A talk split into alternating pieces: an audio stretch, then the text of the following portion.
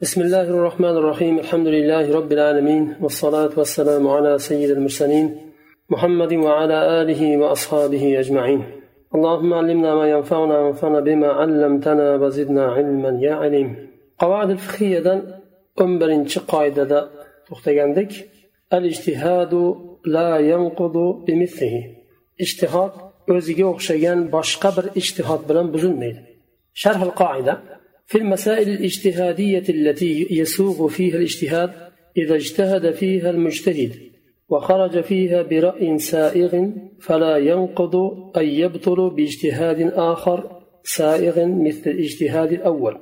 اجتهاد ممكن بغن اجتهادي مسألة agar mushtahid shu masalada ijtihod qilsa va hukm chiqarsa shu va ishtihodi shu ishtihodga o'xshagan boshqa bir ishtihod bilan buzilmaydi ya'ni botil bo'lmaydi u ishtihod qolaveradi ishtihodligidan hukmi bilan va boshqa ishtihod ham o'zini alohida hukmi bilan qolaveradi كما لو حكم حاكم في قضية باجتهاده بحكم من معين ثم تبدل اجتهاده فيها فلا يجوز له أن ينقض حكمه الأول ليحكم باجتهاده الثاني الذي هو مثل الأول من حيث إنه اجتهاد سائغ أجر حاكم بر مسألة o'zini ijtihodi bilan bir muayyan hukmni bersa undan keyin hukmni chiqargandan keyin ijtihodi o'zgarsa ikkinchi ijtihodi bilan birinchi chiqargan hukmini buzolmaydi birinchi hukmini buzib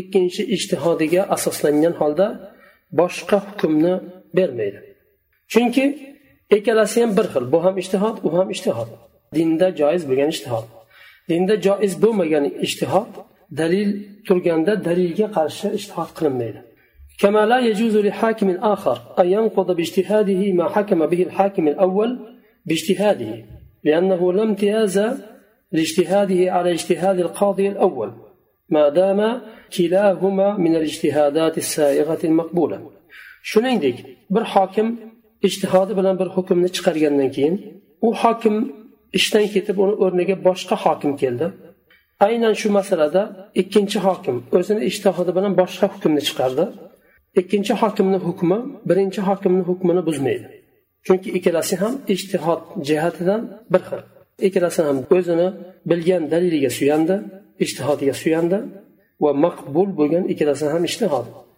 دليل هذه القاعدة وحكمتها ودليل هذه القاعدة الإجماع وما سار عليه عمر بن الخطاب رضي الله عنه فقد حكم أبو بكر رضي الله عنه في مسائل وخالفه عمر رضي الله عنه فيها ولم ينقض حكمه وعلته بأنه ليس الاجتهاد الثاني بأقوى من الأول وأنه يؤدي إلى أن لا يستقر حكم وفيه مشقة شديدة. بنا دليل ya'ni yuqorida aytildi ikkinchi ishtihod birinchi ishtihodni buzmaydi deyildi. Buni dalili umar ibn hattob roziyallohu anhu unga ko'ra yurgan ijmodir abu bakr roziyallohu anhu ba'zi bir masalalarda ijtihod qilib hukm chiqarganlarida umar ibn hattob roziyallohu anhu shu hukmga qarshi chiqqanlar. Ya'ni umar ibn hattob o'zlarini ijtihodlari bilan qarshi chiqqanlar. Boshqa hukm chiqarganlar. Umar ibn hattob roziyallohu anhuni ijtihodlari abu bakr roziyallohu anhuni ijtihodlarini buzmagan. Chunki buni sababi illati nima? Ikkinchi ijtihod birinchi ijtihoddan ko'ra quvvatliroq emas. Ikkalasi ham o'zini bilgan va ishongan daliliga ilmi yetgan va ijtihodi yetgan dalillarga suyanib hukmni chiqargan.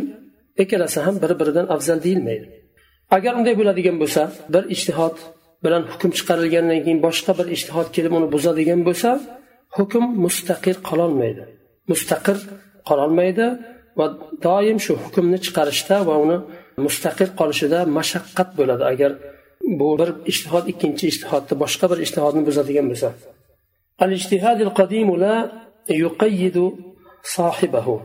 Eski ishtihod egasini mushtahidni bog'lab qo'ymaydi.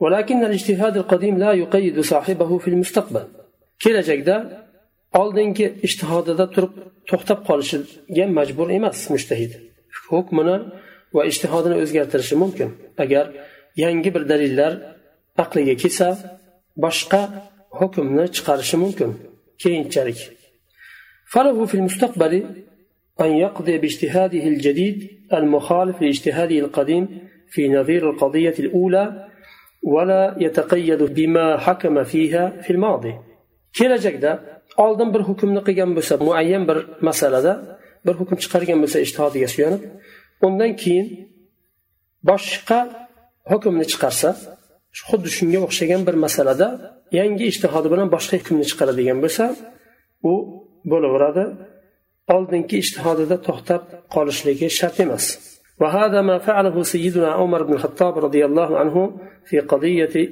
إرثية مشهورة عرفت باسم المسألة المشتركة أو المسألة الحجرية أو المسألة العمرية لقضاء عمر بن الخطاب فيها إذ أنه قضى بمشاركة الإخوة الأشقاء للإخوة لأم في ميراثهم وهو الثلث نظرا لاستغراق فروض أصحاب الفروض التركة. فلم يبق للإخوة الأشقاء شيء من التركة باعتبارهم عصبة bu aytilgan masalan bir mushtahid oldingi ishtihodida to'xtab qolishligi bog'liq bo'lib qolishi shart emas deyildi buni dalili umar ibn hattob roziyallohu anhuni meros xususida qilgan ikki xil hukmlari u kishidan mashhur bir meros xususida bir masalada hukm qilganlar bu masala masalatil mushtaraka deb nom bilan qolgan. Yoyinki boshqalar masalatul hajariya deydi. Yoyinki masalatul umariya deydi. Shu ism bilan bu masala qoldi. Masalatul umariya deydi chunki umar ibn hattob roziyallohu anhu chiqarganlar bu hukmni ijtihodlari bilan. U kishi shaqiq ya'ni ota ona bir akalarni ona bir akalar bilan qo'shib merosda uchdan biriga sherik qilganlar aslida ota ona bir akalar farzandlar ular asaba hisoblanadi. Merosda asaba ashobi furud ham emas ular ashobi furuddan qolgan molni o'zaro bo'lib olishadi asaba asaba deb mayitni yaqin qarindoshlari ashobi furudlardan boshqa qarindoshlarini aytilinadi ashobi furuddan mol qolmaydi ya'ni mol tom shu ashobi furudni o'rtasida bo'linadi. Va ihval um ona bir aka ukalar ular ashobi furudga kiradi. Alloh taolo ularga uchdan birini tayinlagan va ota ona bir aka ukalar ular asaba. Ashobi furuddan ortib qolmaydi mol va ota ona bir aka ukalar hech narsasiz qoladi. Shunda ular shikoyat qilganda umar ibn hattobga ularni sherik qiladi. Ulardan oldingi birinchi hukmlarida sherik qilmaydilar ikkinchilarida sherik qiladilar uni hikoyasi keladi. وهذا ما حصل في هذه المسألة فقد اجتمع فيها زوج وأم وإخوة لأم وإخوة أشقاء فللزوج النصف وللأم السدس وللإخوة لأم الثلث ولا شيء للإخوة الأشقاء. بمسألة إر وأنا ميت أناس وميت أنا بر أكو كلارا جملا هذا بمسألة وأتا أنا بر أكو كلارا هم جملا هذا إر يارمنا أولاده agar bu xotindan farzand bo'lmasa xotinni bolalari bo'lmasa agar er yarmini oladi agar bolalari bo'ladigan bo'lsa to'rtdan birini oladi er islomda ona oltidan birini oladi va ona bir aka ukalar uchdan birini oladi va ota ona bir aka ukalarga hech narsa qolmaydi ثم حدثت قضية ميراث كالأولى فلما رفعت إلى عمر بن الخطاب رضي الله عنه أراد أن يقضي فيها بمثل قضائه السابق في نفس هذه القضية فاعترض أحد الإخوة الأشقاء وقال يا أمير المؤمنين احسب أبانا حجرا في اليم أليست أمنا واحدة؟ فكيف يرث الإخوة لأم ولا نورث نحن؟ ونحن جميعا أمنا واحدة ونزيد عليهم بالأب. أين شو مسألة ikkinchi marta ko'tarildi birinchi marta umar ibn hattob ota ona bir akalarni hech narsasiz bo'sh qoldirgan edi. Chunki ashobi furudga bo'lib berdi va ota ona bir aka ukalar asabi bo'lgani uchun ularga hech narsa qolmadi va bo'sh qoldirildi. Ikkinchi shunga o'xshagan masala ko'tarilganda u kishiga u kishi birinchi hukmlari bilan hukmni chiqarishga qaror berganlarida ota ona bir aka ukalar ulardan birisi e'tiroz bildiradi. Aytadiki ey amir mo'minin hisoblangki bizni otamiz bir chuqurda bir tosh deb hisoblang. Yo'q ya'ni u degani otamiz yo'q deb hisoblang. Ha onamiz biru bizni. Qanday? Ona bir aka ukalar meros oladiyu. Biz merossiz qoldirilamiz va hammamizni onamiz bo'lsa bu kishi.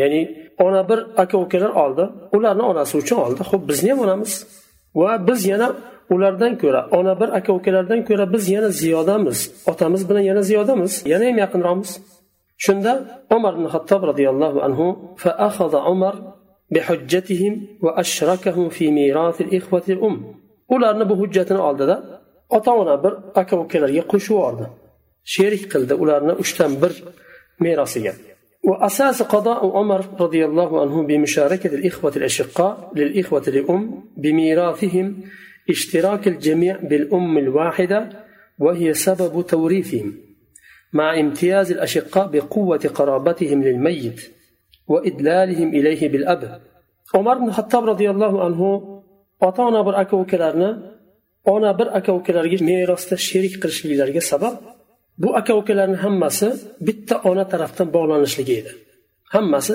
bir onadan va bu meros olishini sababi bu va ota ona bir aka ukalar yana ham uni qarobati yaqinroq mayyitga otasi ham bir bo'lishlik bilan وإذا كانت قوة قرابتهم للميت لا تزيدهم إرثا ولا تقدمهم على غيرهم فلا يجوز أن تكون سببا لحرمانهم من الميراث وعدم مساواتهم بالإخوة لأم agar ota ona bir aka ukalarni qarobatini mayyitga quvvatliroq yaqinroq bo'lishligi merosda ularni ziyoda qilolmasa va ona bir aka ukalardan ularni merosda muqaddam qilolmasa hech bo'lmaganda merosdan mahrum bo'lishiga ham sabab bo'lmasligi kerak chunki ular ona bir aka ukalar bilan bir xil hammasini onasi bu mayit ولما سمع الإخوة الأشقاء في القضية الأولى بقضاء عمر الجديد جاءوا عليه معترضين وطالبين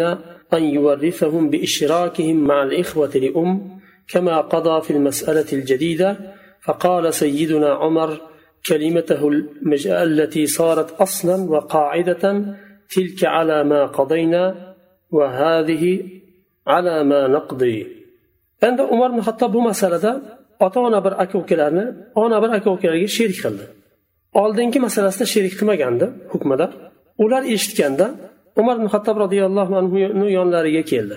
Aytdilarki amir mo'minin bizga bunday hukm qilgandingiz bularni sherik qildingiz bizni qilmagandingiz bizni ham endi sherik qiling deganlarida umar ibn hattob roziyallohu anhu u kishidan rivoyat qilingan mashhur va qoida bo'lib qolgan so'zlarni aytdilar. Tilka alama qadayna uni shunday hukm qilgandik tamom hukm chiqarildi va bajarildi. Buni endi bunday hukm qildik deydilar. ikkalasi ham o'sha chiqarilgan hukm kuchida qoladi demak bundan tushunamizki ikkinchi ishtihodlari birinchi ishtihodlarini hukmini buzmadi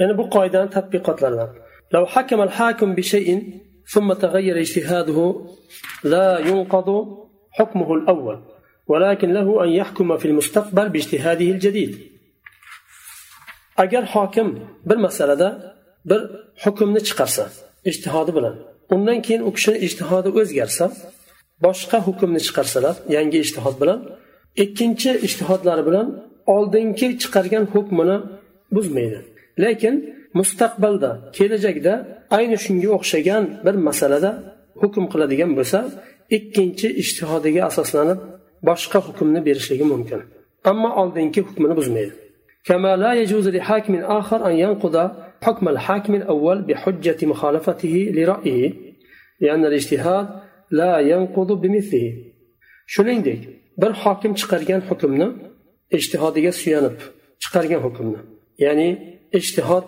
sohibi bo'lgan mushtahid xususida ketyapti gap har qanday hokim emas mushtahid bo'lgan ijtihodga ahl bo'lgan hokim nazarda tutilyapti hokim deganda qozi va ijtihod qilishga haqli bo'lgan ilmga ega bo'lgan hokim nazarda tutilyapti. Ilmi bo'lgan ijtihod darajasiga yetgan va mushtahid darajasiga yetgan bir hokim ilmiga va ishtihodiga suyangan holda bir masalada hukm chiqarsa undan keyin boshqa bir hokim kelib u ham ilmi ishtihodi bo'lgan mushtahid darajasiga yetgan hokim ayni shu masalada boshqa bir hukmni chiqarsa ikkinchi hokimni hukmi birinchi hokimni hukmini buzmaydi. Chunki ikkalasi ham ilmi yetgan ishtihod bilan hukm chiqardi mal hukmu إذا أمر السلطان باتباع رأي اجتهادي معين؟ agar sulton muayyan bir ijtihodiy fikrga ergashishlikka buyursa uni hukmi ما قلنا في الفقرة السابقة هو إذا لم يكن قد صدر أمر من السلطان ولي الأمر بوجوب الحكم برأي أحد المجتهدين لأنه في هذه الحالة لا يجوز للحاكم أن يحكم برأي آخر.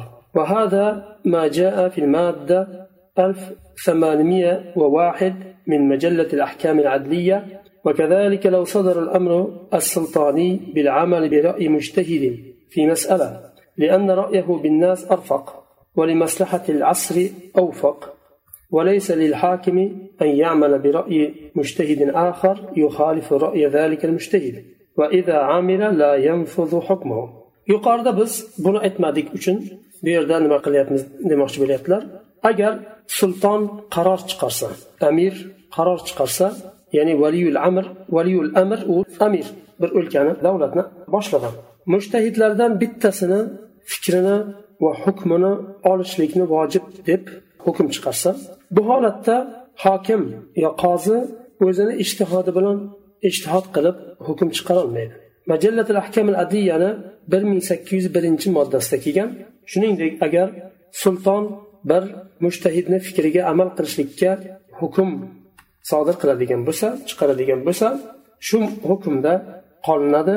Chunki sulton insonlarga o'sha o'zini asridagi odamlarni holini biluvchiroq va ularga foydasi va zararini yaxshiroq tushunadi. Shuning uchun shu mushtahidni nimasini olishni buyurgan shuning uchun hokim boshqa mushtahidni fikri bilan olishlikka haqli bo'lmaydi amir aytgan sulton aytgan mushtahidni fikridan boshqa fikrni olishga haqli bo'lmaydi agar mabodo oladigan bo'lsa boshqasini hukmi joriy bo'lmaydi ya'ni hukmi hukm bo'lib qabul bo'lmaydi وعلى هذا وبناء على هذه المادة إذا حكم الحاكم بما يخالف ما أمر به السلطان ثم رفع حكمه إلى حاكم آخر وجب عليه أن ينقضه shuningdek bu moddada kelgan yana yuqoridagi majallatul ahkam adliyani bir ming sakkiz yuz birinchi moddasida agar sulton buyurgan fikrdan mushtahidni fikridan